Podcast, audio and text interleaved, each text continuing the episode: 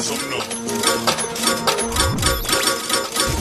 iMBS ukhosi FM luhamba phambili 15 minutes to 8 eh, ezomnotho naye ke ugugulethu xaba sekubingelele sikwamukele nonkosi kakhulu vukile umthiya eh, ubig kid uhlengiwe nabalaleli abahloniphekile bokhozi FM ngesonto edlule eh nonkosi sibheke la indaba yebusiness eh la, la petrol.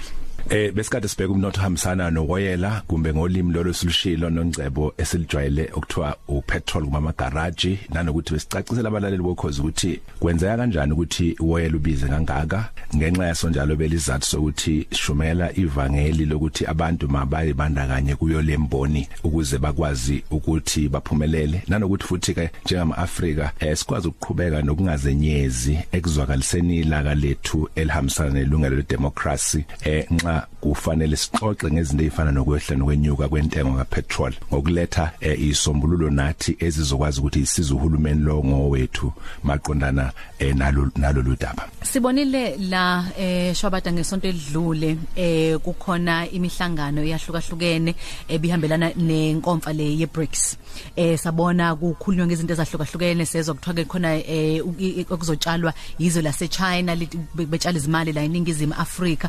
Wakayithinta ngaphambili lento kodwa wawuyi bheka ngasohlangothini laseAfrika lesivumelano sasayiniwe ake sibheke lokuvumelana kwamazwe ukuba ngaba mhlambe izwe livumelana nelinye izwe noma amazwe evumelana ngokuthi sizohwebelana sivule imingcele ngokohwebo kunjalo loncebo uyihlabe esikhonkosini engakusho kokuqala nje ukuthi abantu abaningi abalali boningi baningi bokhozi FM belokhu bebuza ukuthi akucacise lento eyenzakalayo ezingeni lethu njengabantu emakhaya. Abantu abaningi ke bayabuza ngoba eh lengqungquthela ibibaleka kakhulu lekade yenzeka njengoba uyichazele ngevikele ledlule ukuthi bazozuza kanjani emazingeni aphansi ngoba siyabona kade kunomongameli bengqungwe zingqonyela zoso imboni abavele emazweni amahlanu eh bebhizi impela bephonononga lezi indaba ezibaleka kakhulu ngalamazwe eh ngakho namhlanje ngithe ake sibheke nje lengxenye yomnotho ihambisana nazo lezi zivumelwano eh osuyichazile nongcebo ezibizwa ngolimi lwesilungu okuthiwa ama bilateral trade agreements kunye nama multilateral trade agreements. Eh lezi vumelwano ningi kakhulu kanti futhi kumbalwa abambala abantu abaziyo kahle ngazi ukuthi uma sezenzekile zisho ukuthini ebantwini nje ekuhlaleni kwethu. Ake sibheke lesokuqala i-bilateral trade agreement. Isivumelwano lesi esisuke senzeka nongcebo eh phakathi kwamazwe amabili. Uma ngenza isibonelo njengezwe laseningizimu Afrika mhlawumbe nelase Saudi Arabia. Kulaba abangase bafuna ukudayiselwa izinto abasuke bengenazo ezweni labo. Eh kumbe lezo abathe nxashana bezibheka bathola ukuthi awabo amandla okuzikhiqiza awekho makhulu uma uqhathanisa nezwe lelo abasuke besayinde kumbe bashicilele nalo izivumelwano.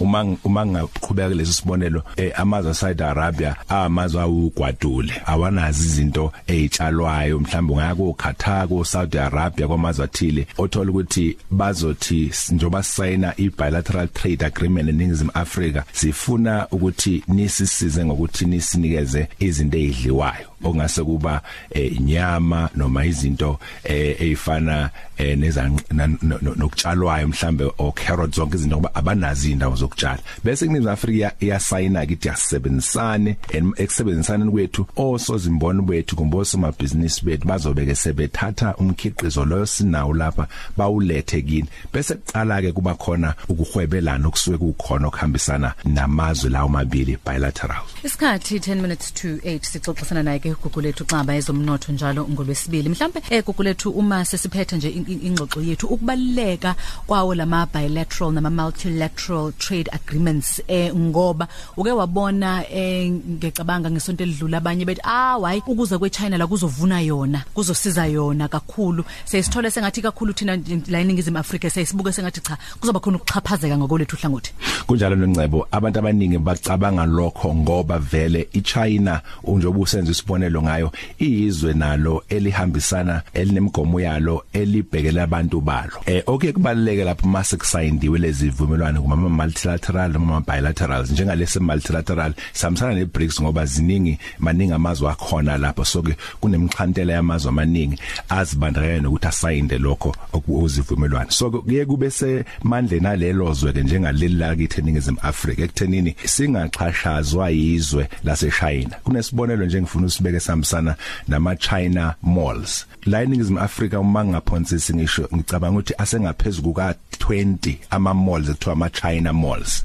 Abantu bakithi bagijima kakhulu beyothenga kuwo ngoba impahla zishibhile eh futhi ukuthi mase bethengile bese beyodayisa. Umbuzo omkhulu okhona ukuthi uma ungena kulawo ma China malls asuke vele ekotele kumbe belethe kuzo lezi vumelwano ezinxanxathela multilateral noma bilateral bakhona nama Africa asuke eyingxenye ukuthi nawo a trade kulama China malls. Engikubonile kakhulu angiboni mhlambe kukhona isitoro sakwaXaba nakwanxumalo kulawo ma China malls. Yilokho kufanele ukuthi ma sikhuluma ngalezivumelwane sikwazi kuba eh, sizibandakanye nokubheka ukuthi ziyaqinisekisa ukuthi zifezeka ngendlela ezoletha ifairness phakathi kwamazwe amabili kungabi elilodwa kuphela liba ingxenye yalokho ngoba nathi njengamaAfrika siyafuna ukuthi siyodayisa kuwa China malls ukuze bese siyathola futhi ukuthi bathenga kanjani impahla ezishibhile le eChina. Nathi sizokwazi ukuthi siyithole bese siyidayisa khona lapha eNingizimu Afrika. Kungabi nje yithi kuphela sothenga kubo bese siyadayisa le ekugcineni. Nokunye kokuningi nongcebo